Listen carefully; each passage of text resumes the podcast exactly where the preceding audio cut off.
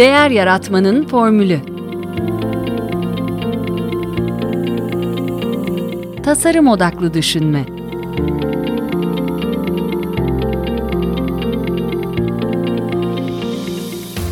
Merhaba ben Mete Yurtsever. Yaratmanın Formülü Podcast'inin ev sahibiyim. Ee, bugün bir ilki gerçekleştiriyoruz aslında. Bir e, Önce bir e, Top Martinez'e bir bölüm kaydettik. E, arkasından şimdi bir de Türkçe özetini kaydedeceğiz öyle söyleyeyim. E, kendisi bir inovasyon ve e, teknoloji e, scout'u nasıl çevirmek lazım? İzci diye çevirebiliriz Ar- belki. Arayıcısı diyebiliriz. Evet peki. E, kendisi Sabancı Üniversitesi'nden e, malzeme bilimi ve mühendislik e, mezunu. E, sonrasında da Queen Mary University of London'da e, nanoteknoloji ve malzeme bilimi üzerine e, doktorasını yapıyor. E, 4 yılı yenilikçi teknolojiler ve inovasyon danışmanlığı olmak üzere 7 yıl aşkın uygulamalı bir ARGE deneyimi e, var kendisinin. E, öncelikle tekrar hoş geldiniz. E, Merhabalar, hoş bulduk. şöyle yani siz inovasyonun birçok e, e, kısmında çalışmış biri olarak sizden bazı Türkiye'de de belki çok olmayan tarafları e, dinleyeceğiz diye düşünüyorum. Öncelikle şeyden başlayayım.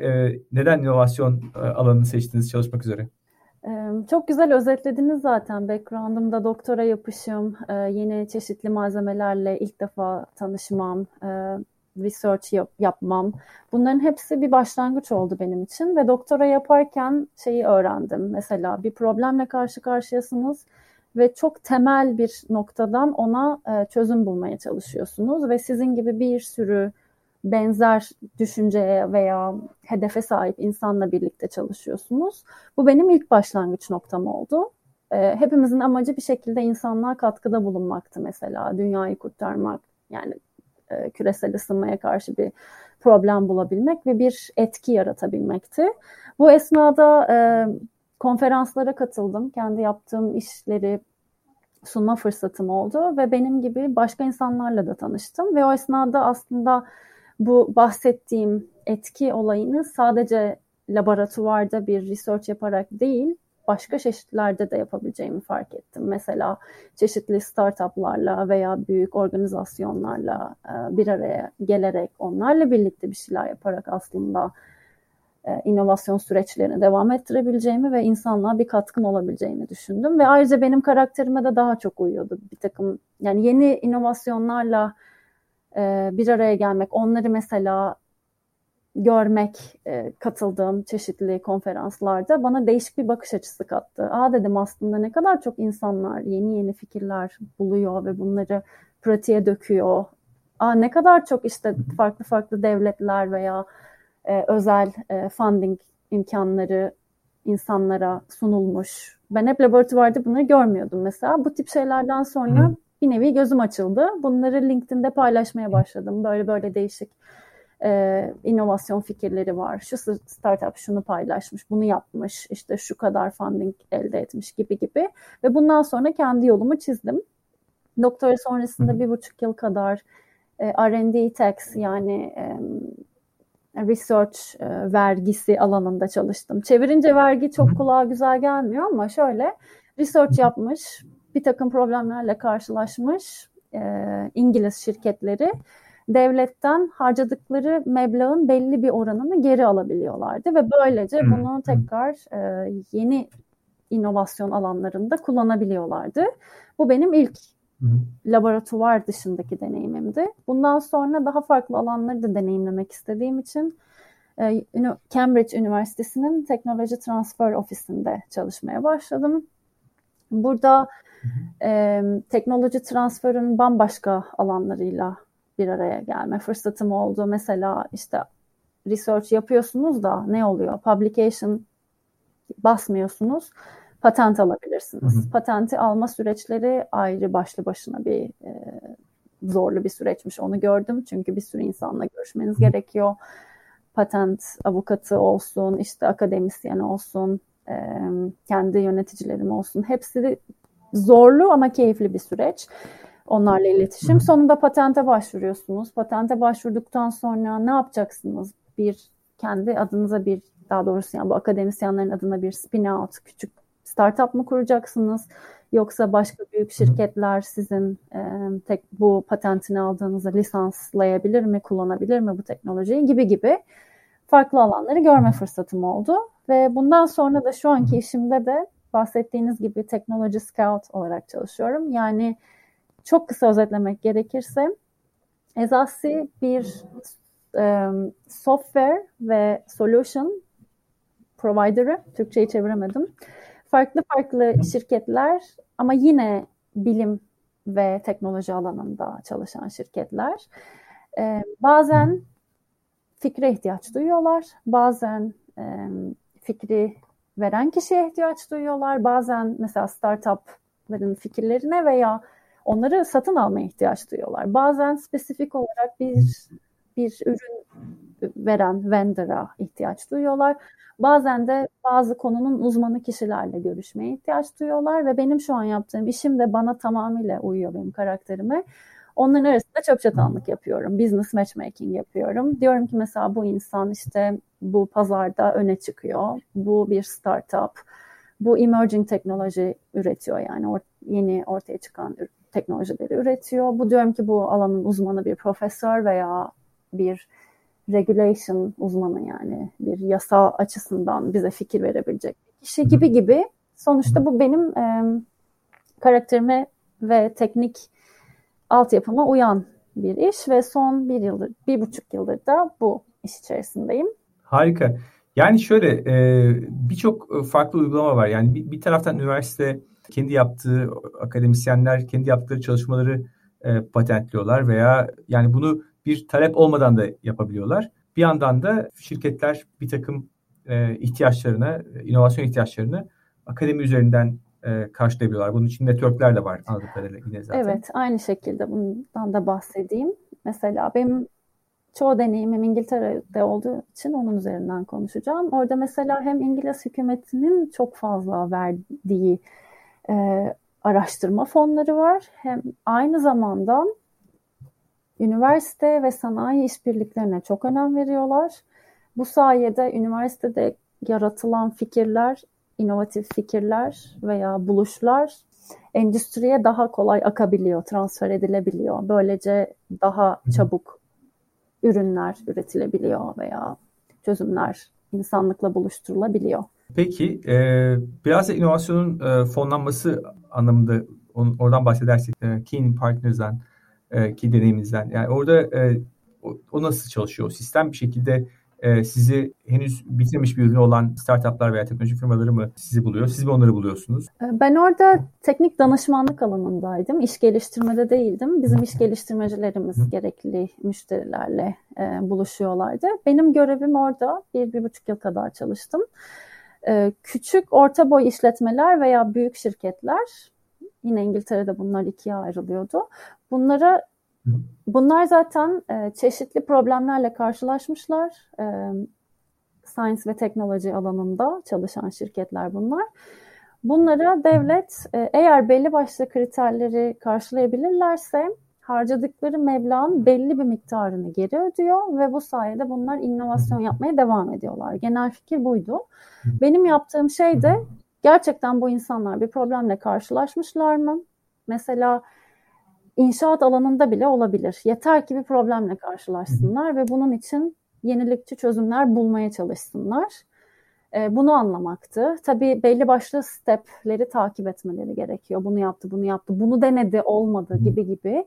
Ve bunu yapan kişiler, bu inovatif süreçleri yöneten kişilerin de alanında uzman olmaları gerekiyor. Öyle herhangi random bir kişi olamaz. Ve benim görevim bunları hepsini anlayıp bu kişilerle mülakat yapıp sorular sorup sonunda hem teknik hem de finansal olarak bir raporlamasını hazırlayıp e, devletin yetkili kuruluşuna bunu sunmaktı.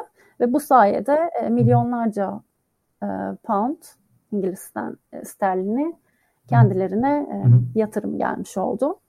Ve yatırım demeyelim de fon gelmiş oldu ve böylece tekrar inovasyonlarına devam ettiler. Bu benim doktor sonrasındaki ilk deneyimimdi e, inovasyon alanında, funding alanında. Ve burada şeyi gördüm. Ya bu tamamıyla artık bu insanlar zaten research yapmışlar, inovasyon yapmışlar ve e, bu noktadan sonrasına devam etmek istiyorlar. Yani en sonuydu. Ama daha bunun başı da var, arası da var. Çok alan var inovasyon süreçlerinde. Ya mesela scouting yaptığınız zaman yine orada e, bir şekilde e, yine elinde hazır bir çözüm, işleyen bir çözüm olan bir firmadan bahsediyoruz. Öyle mi? Yani e, yoksa hala geliştirilmeye açık e, ihtiyaca göre çeşitli e, şeyler, uyarlamalar Şu anda mesela çalıştığımız şirketlerin çoğu Fortune 500 şirketleri yani baya baya artık alanında ilerlemiş şirketler.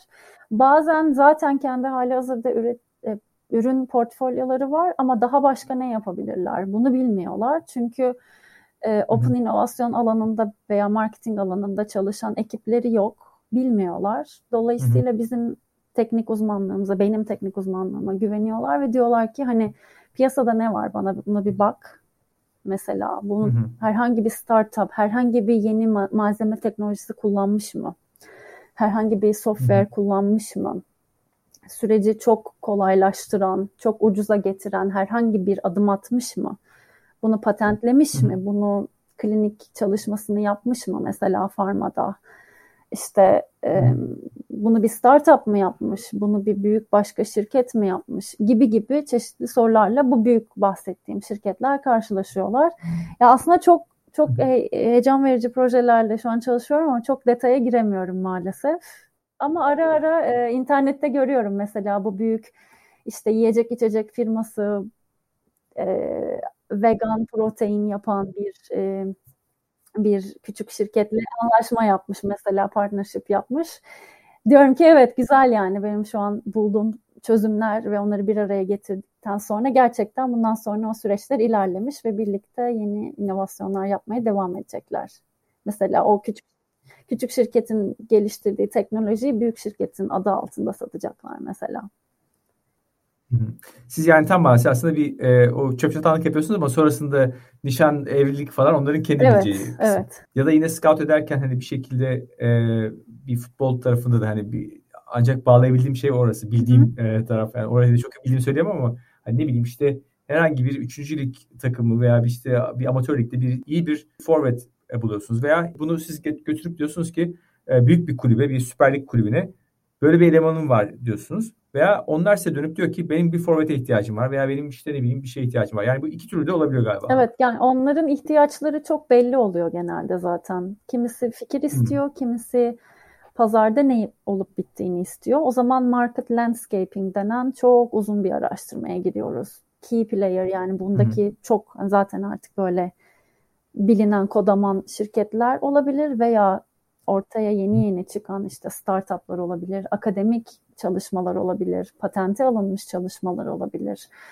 E, farklı farklı lokasyonlara bakıyor olabiliriz. Mesela Avustralya'ya bakıyor olabiliriz, Kanada'ya bakıyor olabiliriz, işte Finlandiya'ya bakıyor olabiliriz, farklı coğrafyalara. E, mesela sadece regülasyon alayına, regulation veya e, yasalara bakıyor olabiliriz. Mesela e, mesela laboratuvarda üretilen et örneğin bir örnek proje. Hı hı. E, buna mesela hangi ülkeler sıcak bakıyor? Singapur evet diyor ama işte Amerika bunun arkasında geliyor ama Avrupa kesinlikle hayır diyor mesela. Hadi bunu ben okudum ettim, yasalara baktım ama hadi bir konuşalım bakalım bu işin uzmanı var mı? Uzmanları bulup onlarla sizin şu an benimle yaptığınız görüşme gibi görüşmeler yapıp anlamaya çalışıyorum. Gerçekten hani bunu gördüm ama konfirm edebilir misin? Doğru mu? Gibi gibi farklı alanlarda e, bilgileri e, alıp sentezleyip hı hı. müşteriye sunuyorum. Ve daha tabii ki çok fazla şey var da bu çok geniş oldu. Özetledim. Anladım. Bu evet ama bence iyi bir iyi bir örnek. Yani hakikaten yani bu iyi fikirlerin her yerden gelebileceği ve bu işte hani not invented here e, şeyi vardır ya e, şirketler e, kendi dışarıdan gelen fikirlere karşı daha soğuk yaklaşabiliyorlar. Kendi sahip olduğu fikirleri daha değerli görebiliyorlar. Bu giderek azalıyor sanırım. Yani dünyada fikirlerin çok daha e, yatay e, hareket edebildiği bir şeydeyiz diye Kesinlikle, evet. Öyle evet. Ve tabii internetten çalışmak e, çok çok fazla yardımcı oldu. Çünkü tüm müşterilerimiz dünyanın dört bir yanında Ezasi'de. Aynı zamanda bu çözüm üreten kişiler veya subject matter expert dediğimiz uzman kişiler bunların hepsi farklı farklı alanlarda. Artık bu insanlarla etkileşime geçmek ve görüşmek çok kolay. Hı hı. Türkiye'den hiç müşteriniz var mı diye sormuştum ama Türkiye'den e, şu anda müşterimiz yok ama eğer bu bahsettiğim e, problemlerle karşılaşıp çözüm isteyenler varsa bizimle irtibata geçebilirler. Ezasi'den veya LinkedIn'den bana ulaşabilirler. E, Türkiye'den geçen yaz iki ay kadar e, çok fazla e, üreticiyle görüştüm. Belli bir ürünün üreticisiyle, Hı. ham madde üreticisiyle ve birkaç tanesi bize e, örnek yolladılar. So, yani evet görüştüğüm var biliyorum değişik ve güzel Harika. çözümler üretildiğini. Yani işin ham madde tarafını üreten insanların uyanması iyi bir şey en azından. Hani şimdi artık sıra evet. e, esas bunu kullanacak üreticilerin e, evet. bunlara e, Evet aslında Türkiye'den e, güzel startuplarla da görüştüm. Değişik teknolojiler üreten, Hı. alternatif protein üreten mesela. E, ya bir yandan da şey de tüketici tarafında da yani tüketiciler de bazı şeylere sahiplenmekte biraz e, yavaş davranıyorlar. Daha bir atalet var. Yani ne bileyim işte bitki bazlı etler konusu işte ben geçenlerde şey yazmıştım işte bir e, kahve zaten hani iklim değişikliğine de tehdit altında olan e, ürünlerden bir tanesi. İşte ona bir e, şey yapmışlar. E, alternatif yapmışlar. İşte hurma çekirdeğinden hmm. şuradan buradan bir şey. Evet. Yani aynı kahve tadında bir şey yapıyorlar. E, onu hatta bir anket de yapmıştım. İnsanlar e, işte olur mu bir de kahvemiz elimizden kalmış e, bir, bir, bir o ay eksikti falan filan gibi. E, buna böyle çok karşı duranlar var. Halbuki ben de şey diye bakıyorum yani siz de paylaşmışsınız işte mantardan evet. deri e, yapmak mesela. Yani e, bence kesinlikle buna doğru gitmek evet. lazım ama insanların şeyini de anlayamıyorum. Yani ne olacak o bir hayvan derisi olmasa ne olur evet. ne kaybedersin ya da ne bileyim o içtiğin şeyin sana kahve olduğunu kim öğretti yani evet. sen bundan kahve dediğin ürün şunu, şunu, şunu şurasında birkaç yüz senelik bir ürün sonuçta evet. yani e, sen hurma çekirdeğini öğütüp içiyor olsaydın ne fark edecekti senin açından? Doğru. Yani? Laboratuvarda mesela üretilen et. Kahve de üretiliyor şu an evet. laboratuvarda. Ben de paylaştığımda insanlar karşı çıktı. Asla falan. Diyorum neden? Evet. E, genet, genetiğiyle evet. oynanmış diyorlar mesela. Aslında bu yani bir kere biz bunun uzmanı değiliz. Daha koca koca kelli felli insanlar bunun adını koymaya çalışıyorlar. Yasalar geçirmeye çalışıyorlar. Diyorlar ki genetiğiyle işte belli bir oranda oynanırsa ama hmm. aslında genetiği oynanmıyor evet. mesela. E, precision fermentation diye bir teknikle mesela süt üretiyorlar. Peynirin ham maddesi, kazeini falan hmm. üretiyorlar. Ama baktığınızda sütün yani ineğin memesinden gelen sütle laboratuvarda ürettiğiniz hmm. aynı. Genetiği aynı. Tamamıyla evet. değişmemiş. Evet. Ama insanlar bu evet. laboratuvarda üretildi diye bunu mesela. Evet. Ben biliyorum ya diyor. Ha, genetiğiyle diyor. oynanmış ve direkt hayır diyor mesela. Bu kötü bir şey. iyi bir şey değil. Ama bir yandan da şu an çok fazla insan artık çok e, bilgili ve endişeli. Hı hı. Yani o yüzden aslında. E, gelecek nesiller, benim kardeşim bunlardan biri, ODTÜ'de okuyor mesela. O ve onun neslinden ben umutluyum. Çünkü bunlar biliyorlar ki bilim ve teknolojiyle aslında dünyayı kurtarabiliriz. Ve kendi alışkanlıklarımızı değiştirerek dünyayı kurtarabiliriz. İnovasyon da burada işin içinde aslında yani. Aslında yeni nesiller bunu kabul ediyor. Yani evet yani sonuçta e, sürdürülemeyen bir durumu adı üstünde sürdürülemeyen evet. bir durum. Bunu e, bu da ısrar etmenin bir anlamı yok. Hani zaten e, şu an e, yaşadığımız şey işte yani en basitinden ben muz yiyeceksem bunun işte Ekvador'dan gelmesi şart evet. değil yani. Anamur'da da var. Evet. Yani niye e, kalkıp bunu yapıyoruz zaten? Kendimizi böyle bir şey koymuşuz veya işte kahve burada yetişmeyen bir şeyse içmeyebilirdik yani bu kahveyi yani sonuçta başka bir şey içiyor olabilirdik e, falan. Hani e, bence burada e, insanların bu e, ne pahasına olursa olsun e, yaşam tarzına sahip çıkma ısrarı inadı bence de yani geçerli yitirecek diye düşünüyorum. E, peki e, bu konu hakikaten başlı başına ayrıca konuşulabilir bir konu. Evet bu başlı başına yani tüketimi azaltmamız gerekiyor. Çevreye e, duyarlı ürünlerle artık e, daha fazla haşır neşir olmamız gerekiyor. Kaldı ki yani geri dönüştürmemiz gerekiyor. Evet. İhtiyacımız yoksa almamamız gerekiyor Aynen. mesela. Geri, geri dönüştürmenin de öncesinde hiç yani bir kere e, hani zaten tüketmemek gerekiyor. Hani e, geri dönüştürmek de ayrı bir şey oluyor da. Mesela mesela bu yaz aklıma geldi işte bu e, pamuklu ürünleri geri dönüştürme konusunda Hı. görüştüğüm insanlar vardı. Herkes böyle diyor ki Aa, geri dönüştürülmüş ürünümüz, kıyafetimiz falan. Hı ama mesela onlar da çok zormuş. Yani sadece beyaz olursa evet. mesela. Evet. Beyazın bile bir sürü farklı gris falan farklı tonları var. Ee, çok çok çok zor yani geri dönüştürme bile başlı başına bu kadar zor bir şeyken bilmiyorum tüketmemek lazım herhalde. Evet yani bir taraftan öyle ve işte hani bu e, bir sürü işte hep söylenen şey gıdanın üçte biri üretilen gıdanın hani üçte biri e, şey yapılıyor atılıyor kullanılmıyor hani evet. çok ciddi e, oranda şeyler var hani ve bütün bunlar aslında e, insanoğlunun biraz arsızlığından ileri geliyor yani bir şeyin haşereye karşı daha dayanıklı olsun diye veya işte hava koşullarına daha dayanıklı olsun diye zaten genetiğine oynanmış bir sürü tohum ve bir şey var. Bir de farkında olmadan da biz bunları tüketiyoruz zaten. Bir de ondan sonra bir şey çıkınca işte yapay deri çıkınca ay niye yapay deri? Yani e, nasıl yapacaksın ki zaten yani bunu ya tüketmeyeceksin evet. Ya da hani tamam evet. e, tüketeceksen de bir tane de çantan olacaksa da evet o belki doğal deriden olabilir ama bunun için Evet aynen e, aynen bir şekilde e, evet ya bu bu mantıksızlığın e, aşılması. Evet yani yeniliklere açık olmamız evet. gerekiyor kesinlikle yani bir tane yaşayacağımız dünya var. Evet. Bilim insanlarını dinleyin. Dünyanın sonu geliyor diyorlar. Dünyamız ısınıyor diyorlar. Evet. Dünyayı kurtarmak için 12 yıl kalmıştı benim en son duyduğum. Bu bir buçuk yani Derece. dünyanın ısınmasını hmm. bir buçuk dereceye sabitlemek için. Dolayısıyla ya almayacaksınız ya geri dönüştüreceksiniz ya da yeni fikirlere açık olacaksınız. Evet. Peki sizin değer yaratma formülünüzü sorayım o zaman son olarak. Benim değer yaratma formülüm şöyle.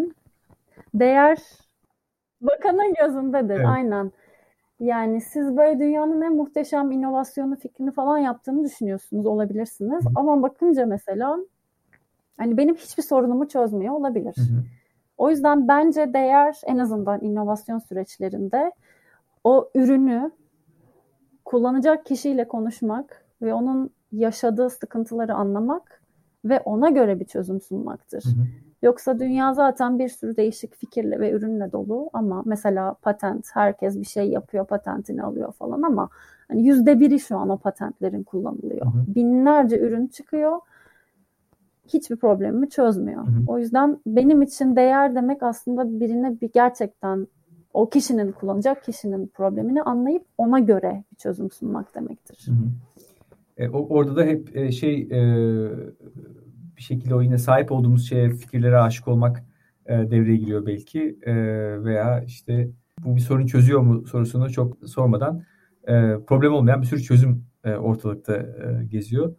E, evet. Bu, bu da başlı başına bir verimsizlik aslında yani bu kadar. Evet ya evet. Mesela benim akademiyi bırakma sebeplerimden biri de bu. Akademide yıllarınızı bir bir çözüm bulmaya harcıyorsunuz. Sonunda diyorsunuz ki bu çözüm şu şu şu probleme uyarlanabilir. evet. Ama gerçek hayatta böyle değil yani belli bir problem var ve ben bir anne olarak en azından belli başlı problemlerle karşılaşınca diyorum ki yani bana şu çözümle gelin. Evet. Bu ürüne ihtiyacım var. Evet.